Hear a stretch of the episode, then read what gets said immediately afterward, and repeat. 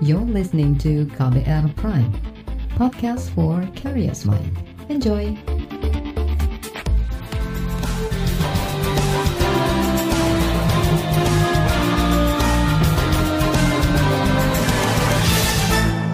Halo selamat sore saudara, saya Reski Mesanto kembali hadir di KBR Sore edisi hari ini, Senin 12 April 2021. Sore hari ini seperti biasa selama 30 menit ke depan, saya akan menjadi teman Anda beraktivitas di sore ini, dan saya akan ajak Anda untuk membahas tentang keputusan pemerintah mengenai mekanisme pembayaran tunjangan hari raya atau THR keagamaan bagi para buruh.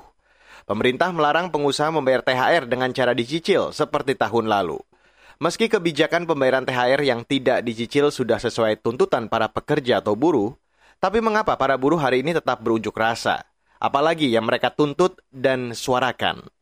Saudara, pemerintah hari ini memutuskan aturan terkait pembayaran tunjangan hari raya atau THR keagamaan bagi pekerja atau buruh pada tahun ini. Ketentuan itu tertuang dalam surat edaran Menteri Ketenagakerjaan tentang pelaksanaan pemberian THR keagamaan tahun 2021 bagi pekerja atau buruh di perusahaan. Menteri Ketenagakerjaan Ida Fauziah mengingatkan pemberian THR keagamaan merupakan kewajiban yang harus dilaksanakan oleh pengusaha kepada pekerja atau buruh untuk memenuhi kebutuhan mereka dan keluarganya dalam merayakan Idul Fitri. Berikut penjelasan Menteri Ketenagakerjaan Ida Fauziah. Untuk itu diperlukan komitmen para pengusaha untuk membayar THR secara penuh dan tepat waktu kepada para pekerja atau buruh. Saya perlu sampaikan beberapa hal. Eh, THR keagamaan adalah merupakan pendapatan non upah yang wajib dibayarkan oleh pengusaha kepada pekerja atau buruh paling lama tujuh hari sebelum hari raya keagamaan tersebut tiba. Kami mohon kerjasama kepada para kepala daerah untuk memastikan perusahaan membayar THR keagamaan kepada pekerja atau buruh sesuai ketentuan peraturan perundang-undangan dan mewajibkan bagi pengusaha yang tidak mampu membayar THR agar melakukan dialog dengan pekerja atau buruh untuk mencapai kesepakatan yang dilaksanakan secara kekeluargaan disertai iktikat baik. Kesepakatan dibuat secara tertulis mengenai waktu pembayaran THR keagamaan dengan syarat paling lambat dibayar sebelum hari raya keagamaan tahun 2021 pekerja atau buruh yang berdasarkan laporan keuangan internal perusahaan yang transparan. Kesepakatan ini tidak menghilangkan kewajiban pengusaha untuk membayar THR keagamaan tahun 2021 kepada pekerja atau buruh dengan besaran sesuai ketentuan peraturan perundang-undangan dan selanjutnya hasil dari kesepakatan dilaporkan kepada Dinas Ketenagakerjaan setempat. Menteri Ketenagakerjaan Ida Fauziah menegaskan pembayaran THR bagi para pekerja atau buruh tidak boleh telat, apalagi sampai tidak dibayarkan. Ada sanksi administratif dan denda bagi pengusaha yang melanggar aturan itu. Terkait dengan denda, pengusaha yang terlambat membayar THR keagamaan kepada pekerja atau buruh dikenakan dikenai denda sebesar 5% dari total THR yang harus dibayar sejak berakhirnya batas waktu kewajiban pengusaha untuk membayar. Yang kedua, pengenaan denda tersebut tidak menghilangkan kewajiban pengusaha untuk tetap membayar THR keagamaan kepada pekerja atau buruh. Oh ya, yang berikutnya eh, terkait dengan sanksi administratif ya. Pengusaha yang tidak membayar THR keagamaan kepada pekerja atau buruh dalam waktu yang ditentukan, waktu yang ditentukan saya kira sudah saya sampaikan, paling lambat tujuh hari sebelum hari raya keagamaan dikenakan sanksi administratif. Sanksi administrasi, administrasi tersebut sesuai dengan ketentuan peraturan pemerintah nomor 36 tahun 2021 tentang pengupahan Pasalnya pasal 9 ayat 1 dan ayat 2.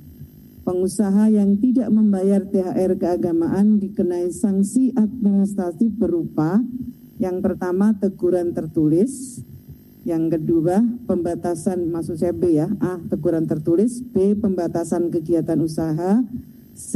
Penghentian sementara sebagian atau seluruh alat produksi dan D. Pembekuan kegiatan usaha. Meski begitu, Menteri Ida Fauzia mengatakan tetap ada keringanan bagi perusahaan yang benar-benar kesulitan ekonomi akibat terdampak pandemi COVID-19. Kelonggaran itu dengan menetapkan aturan batas maksimal pemberian THR pekerja atau buruh pada H-1 lebaran tahun ini. Keringanan diberikan khusus kepada perusahaan yang tidak mampu membayar tepat waktu, yaitu tujuh hari sebelum lebaran. Namun ia mengingatkan, keringanan itu harus didasarkan fakta laporan keuangan perusahaan yang transparan. Saudara, selanjutnya akan kami hadirkan laporan KAS KBR mengenai THR dan upaya meningkatkan konsumsi masyarakat demi menggenjot pertumbuhan ekonomi di masa pandemi. Tetaplah di KBR Sore. You're listening to KBR Pride, podcast for curious mind. Enjoy!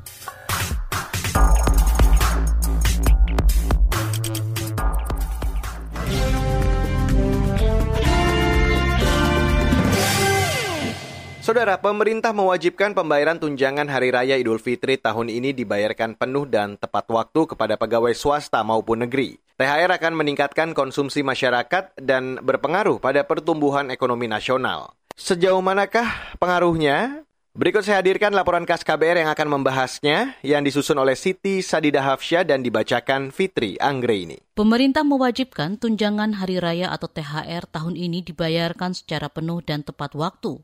Pasalnya menurut Menteri Koordinator Bidang Perekonomian Airlangga Hartarto, ini menjadi upaya yang dilakukan untuk menaikkan daya beli masyarakat.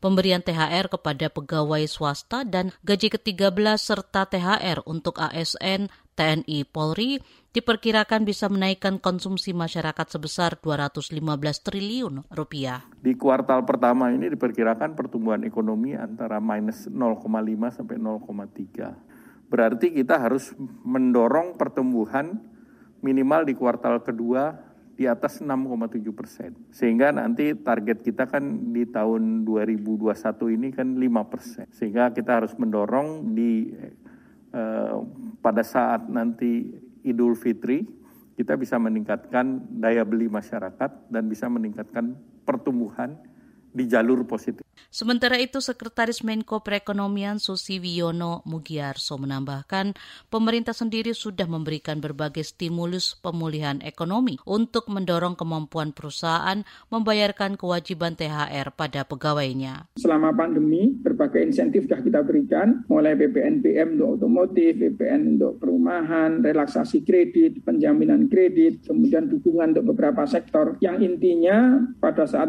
Ramadan Lebaran ini, begitu sudah diberikan berbagai insentif ini, pemerintah mewajibkan teman-teman dari perusahaan dunia swasta untuk membayarkan secara penuh THR untuk karyawannya di Ramadan tahun ini. Itu tadi Sekretaris Menko Perekonomian Susi Wiono. Senada dengan pemerintah Ekonom Institute for Development of Economics and Finance Indef Tauhid Ahmad menjelaskan memang ada pengaruh dari momen hari raya dengan pemberian THR terhadap pertumbuhan ekonomi nasional. Tentu saja kan ada konsumsi yang lebih meningkat ya. Pertama misalnya untuk kebutuhan makanan minuman, kemudian untuk akomodasi orang bepergian, tempat wisata, dan juga di transportasi begitu ya. Orang ke mana-mana kan menggunakan angkutan umum dan sebagainya.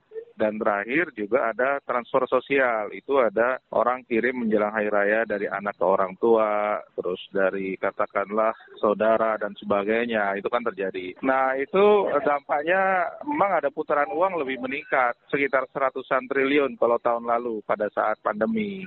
Ia memperkirakan peningkatan konsumsi membuat pertumbuhan ekonomi di kuartal kedua kali ini akan bergerak positif jika dibandingkan dengan periode yang sama tahun lalu. Ya, saya kira menuju positif lah. Tahun lalu kan negatif gitu ya. Sekarang positif, tapi kalau angkanya saya kira nggak besar begitu loh. Tapi kalau katakanlah di atas 3 persen atau 5 persen saya kira nggak. Tapi udah lebih baik lah. Karena kan dibandingkan dengan situasi pandemi juga untuk lebaran kali ini. Kalau dibandingkan kuartal satu ya belum masih negatif pertumbuhan kita. Tapi kalau kuartal kedua baru. Ekonom Indef lainnya Bima Yudhistira menilai pembayaran THR penuh bagi para pegawai juga mendorong peningkatan pendapatan dunia usaha. Ini akan langsung meningkatkan konsumsi rumah tangga karena langsung dibelanjakan. Nah, ketika dibelanjakan itu ujungnya adalah permintaan di sektor-sektor dunia usaha, khususnya yang pangsa pasarnya di dalam negeri juga ikut menikmati juga. Sebenarnya balik lagi THR bukan hanya untuk pekerjanya, tapi juga bermanfaat bagi dunia usaha itu sendiri. Karena banyak yang belanja, otomatis omsetnya juga naik. Tetapi perlu menjadi catatan, berbagai kebijakan untuk mendorong konsumsi masyarakat ini perlu dibarengi dengan upaya peningkatan kapasitas mikro, kecil, dan menengah atau UMKM agar dapat menjangkau pasar yang lebih luas kita melihat masih 13 persen UMKM yang bergabung di uh, platform digital. Nah ini yang masih sangat rendah sehingga memang harus dipacu juga sehingga ketika ada harbolnas atau kemudian momen subsidi ongkir itu yang menikmati juga para UMKM lokal. Artinya tetap ada anggaran lokal, anggaran-anggaran yang masuk ke daerah, ke pelaku usaha lokal. Laporan ini disusun Siti Sadida, saya Fitri Anggreni. Saudara, kalangan pengusaha menyatakan tidak keberatan dengan aturan pembayaran tunjangan hari raya atau THR secara penuh atau tidak dicicil. Namun, pengusaha tetap meminta ada negosiasi dengan karyawan. Pernyataan selengkapnya akan kami hadirkan sesaat lagi, tetaplah di KBR Sore. You're listening to KBR Pride, podcast for curious mind. Enjoy!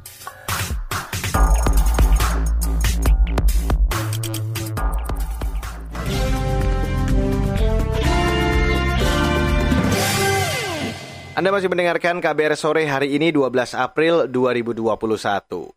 Saudara, Asosiasi Pengusaha Indonesia atau APindo menerima keputusan Menteri Ketenagakerjaan yang melarang pembayaran THR lebaran dengan dicicil. Kalangan pengusaha menilai keputusan pemerintah itu ideal karena THR memang harus dibayarkan penuh tanpa dicicil seperti tahun lalu. Meski begitu, pengusaha juga menginginkan agar perusahaan yang terdampak pandemi tidak dipaksakan membayar THR secara penuh. Berikut wawancara jurnalis KBR Yovinka Ayu dengan Ketua Bidang Organisasi dan Pemberdayaan Daerah di Asosiasi Pengusaha Indonesia atau APindo Adi Mahfudz. Bagaimana uh, respon pengusaha terhadap pengumuman pembayaran THR hari ini dari Menaker, yang di mana uh, eh, THR harus dibayarkan secara penuh dan tepat waktu pada tahun ini? Ya, baik Mbak Vinka. Jadi kami sebagai pengusaha tentu kami sering menyampaikan itu memang ideal dan normatifnya memang seperti itu. Kami selalu menyampaikan bahwa buat teman-teman pengusaha yang mampu tanda kutip yang e, tidak terdampak dengan pandemi COVID ini wabil khusus itu memang kita harapkan bayar penuh karena THR itu kan memang e, hak yang hak pekerja yang tidak boleh dikurangi gitu ya ataupun ditunda sebetulnya juga tidak boleh jika memang mampu jika kondisinya sehat. Namun demikian jika memang seperti kayak orang yang sedang kena COVID ya mohon maaf kondisi sakit kan juga tidak bisa dipaksain untuk sehat gitu ya. Nah begitu juga kami perusahaan pengusaha yang sedang terdampak COVID-19 ini itu juga nggak bisa dipaksakan. Tentu di sana seharusnya tetap harus ada fleksibilitas. Tapi fleksibelnya tentu itu juga kita kedepankan sosial dialog tanda kutip kita uh, hubungan bipartit antara pengusaha dengan pekerja. Begitu Mbak. Disebutkan juga tadi ada aturan kesediaan membuka laporan keuangan secara transparan bila uh, tidak mampu membayar tepat waktu begitu Pak atau maksimal Hamin 7 lebaran. Nah, bagaimana kesediaan perusahaan agar bisa transparan menjalankan aturan tersebut Pak? Oh iya, jadi begini Mbak, uh, kalau kami itu di lingkungan pengusaha itu selalu terbuka. Tentu dalam hal ini bukan kita buka secara publis dan tanda kutip ya, tentu keterwakilan dari serikat pekerja maupun serikat buruh tanda kutip. Juga jika tidak ada SPSP-nya tetap juga akan tahu kondisi cash flow in out-nya juga sejauh mana apalagi kita juga dalam satu rumah. Juga ditanyakan langsung juga saya kira gampang. Termasuk juga uh, laporan laporan auditnya juga dalam arti untuk diketahui salah satu perwakilan dari uh, pekerja dimaksud juga nggak masalah karena memang itu kondisinya seperti itu kok mbak jadi sebetulnya itu bukan satu rahasia, itu di antara kami, antara pengusaha dengan pekerja itu harus saling tahu karena juga di 2 setiap saat dan waktu dari hari, dari minggu, dari bulan bahkan puluhan tahun kami e, menjalankan usaha itu dengan pekerja. Jadi sangat tidak mungkin e, kami tidak terbuka dalam arti e, tidak saling tahu. Itu mbak. Berkaca dari pengalaman telat bayar pada tahun-tahun sebelumnya seperti di tahun 2020 saja gitu. Uh, bagaimana Pak caranya agar uh, jangan sampai terulang begitu? Karena uh, kelonggaran kan uh, diberikan uh, hanya sampai hamin satu lebaran saja gitu. Ya, jadi begini loh, telat bayar itu kan jangan diantem kromo tanda kutip di, uh, di, di diratain semua. Kayak gini loh misalnya, juga rekan-rekan uh, SP, SP yang katakanlah nggak setuju itu sudah mewakili tenaga kerja nggak? Nggak juga kan, gitu loh. Begitu juga pengusaha, yang nakal ada nggak? Ada juga. Tapi bukan berarti skala 10 misalnya yang nakal satu dua terus sepuluhnya nakal semua ya enggak juga mbak nah saya kira nggak bisa seperti itu gitu ya itu saya kira juga kasuistik hal-hal seperti itu pasti akan terjadi tidak mungkin tidak terjadi mau seketat apa pun pengawasannya mau sehadir apa pun pemerintah tetap itu akan terjadi tetapi terjadinya juga bukan kita membiarkan tidak. Nah makanya uh, sebetulnya hal-hal seperti itu kita juga uh, saling antisipasi, juga kita saling uh, pengawasan kita lakukan. Itu dia di Mafuds, Ketua Bidang Organisasi dan Pemberdayaan Daerah di APindo atau Asosiasi Pengusaha Indonesia. Saudara, lalu bagaimana tanggapan para buruh terhadap sikap pemerintah ini? Informasi selengkapnya akan saya hadirkan sesaat lagi. Tetaplah di KBR Sore. You're listening to KBR Pride, podcast for curious mind. Enjoy!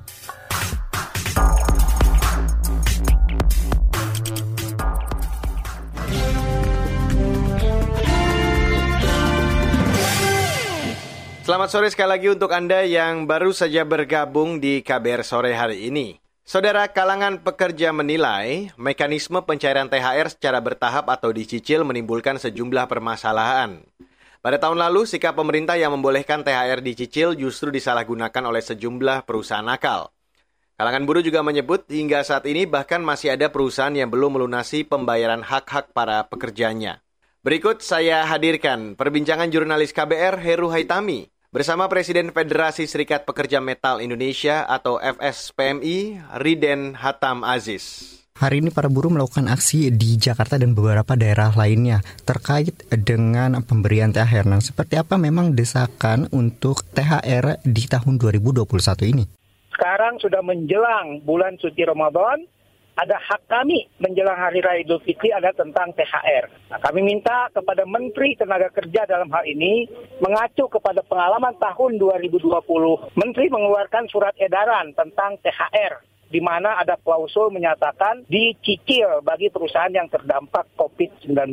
Nah, dalam kesempatan ini kami minta dengan sangat kepada Ibu Menteri Tenaga Kerja untuk tidak lagi membuat surat edaran tentang THR di mana ada klausul tentang THR bisa dicicil, ditunda atau bahkan uh, bisa tidak dibayarkan dengan alasan COVID. Kenapa? Realitas di lapangan untuk 2021 ini kami sudah monitor, kami sudah cek ke seluruh anggota kami, kondisinya sudah membaik. Bahkan sudah normal kembali ya kondisi uh, di perusahaan-perusahaan tersebut. Yang tahun 2020 saja itu masih ada ya beberapa perusahaan yang belum membayarkan THR. Ya, padahal kondisi perusahaan tersebut sudah membaik. Jadi dengan kata lain, ya bahwa banyak pengusaha-pengusaha tanda petik ya, pengusaha-pengusaha nakal yang sebetulnya secara uh, angkut apa secara keuangan dia mampu tapi karena ada surat edaran uh, menaker terkait dengan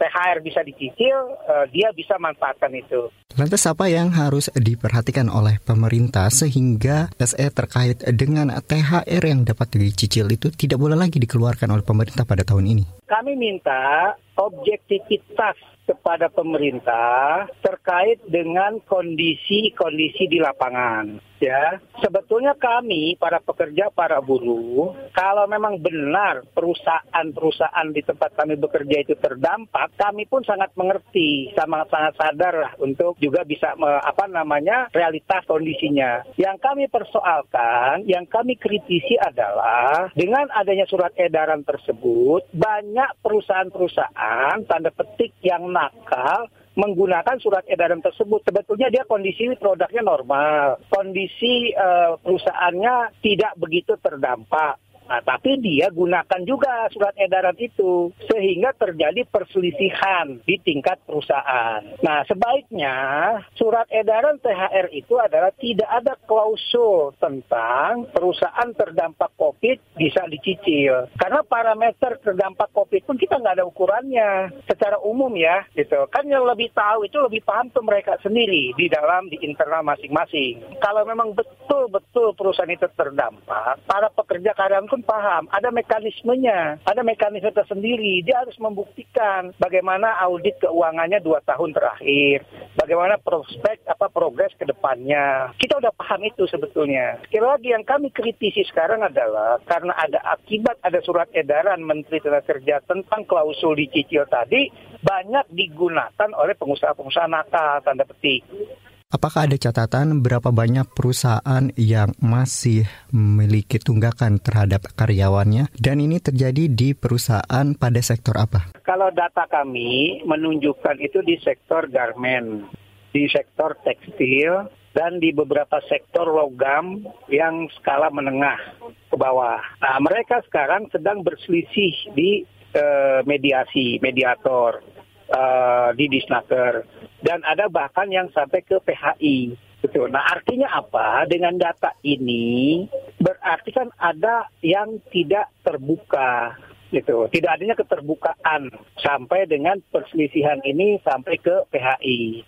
Kan kalau misalkan manajemen terbuka, ini betul misalkan, ini produk kita sekarang sudah berjalan normal, tapi cash flow-nya kan atau mungkin harga bahan baku, kemudian atau mungkin penjualannya belum normal dan sebagainya dan sebagainya kan itu bisa bisa dijelaskan harusnya kepada kepada pekerjanya. Nah, tapi faktanya si pekerja mempertanyakan itu, ya pekerja meminta data-data itu, mereka argumentasinya hanya satu. Ini kondisi kita tidak bagus, perusahaan kita tidak baik, ada surat edaran ini, maka kami boleh tidak melanggar peraturan bahwa kami belum membayar THR. Itu argumen yang selalu dikemukakan oleh pihak uh, manajemen. Ini kan jadi nggak fair. Itu tadi Riden Hatamazis. Dia adalah Presiden Federasi Serikat Pekerja Metal Indonesia. Saudara, permasalahan THR saat ini menjadi perhatian para buruh buruh. Di Jakarta, Semarang, dan beberapa daerah, para buruh hari ini menggelar aksi menuntut agar THR dibayarkan secara penuh tanpa dicicil. Buruh juga menuntut sejumlah isu lain, termasuk soal desakan agar upah minimum sektoral kabupaten kota diberlakukan. Dan informasi tadi menutup kabar sore untuk hari ini, Senin 12 April 2021. Jangan lupa untuk selalu memantau informasi terbaru melalui situs kbr.id Twitter kami di account at berita KBR dan untuk Anda yang tertinggal siaran KBR sore ataupun buletin pagi hari ini, Anda kembali bisa mendengarkannya di KBR Prime, Spotify, ataupun platform mendengarkan podcast lainnya. Jangan lupa untuk selalu menerapkan protokol kesehatan di mana pun Anda berada. Saya Reski Mesanto mewakili tim redaksi yang bertugas sore hari ini. Kami undur diri. Salam.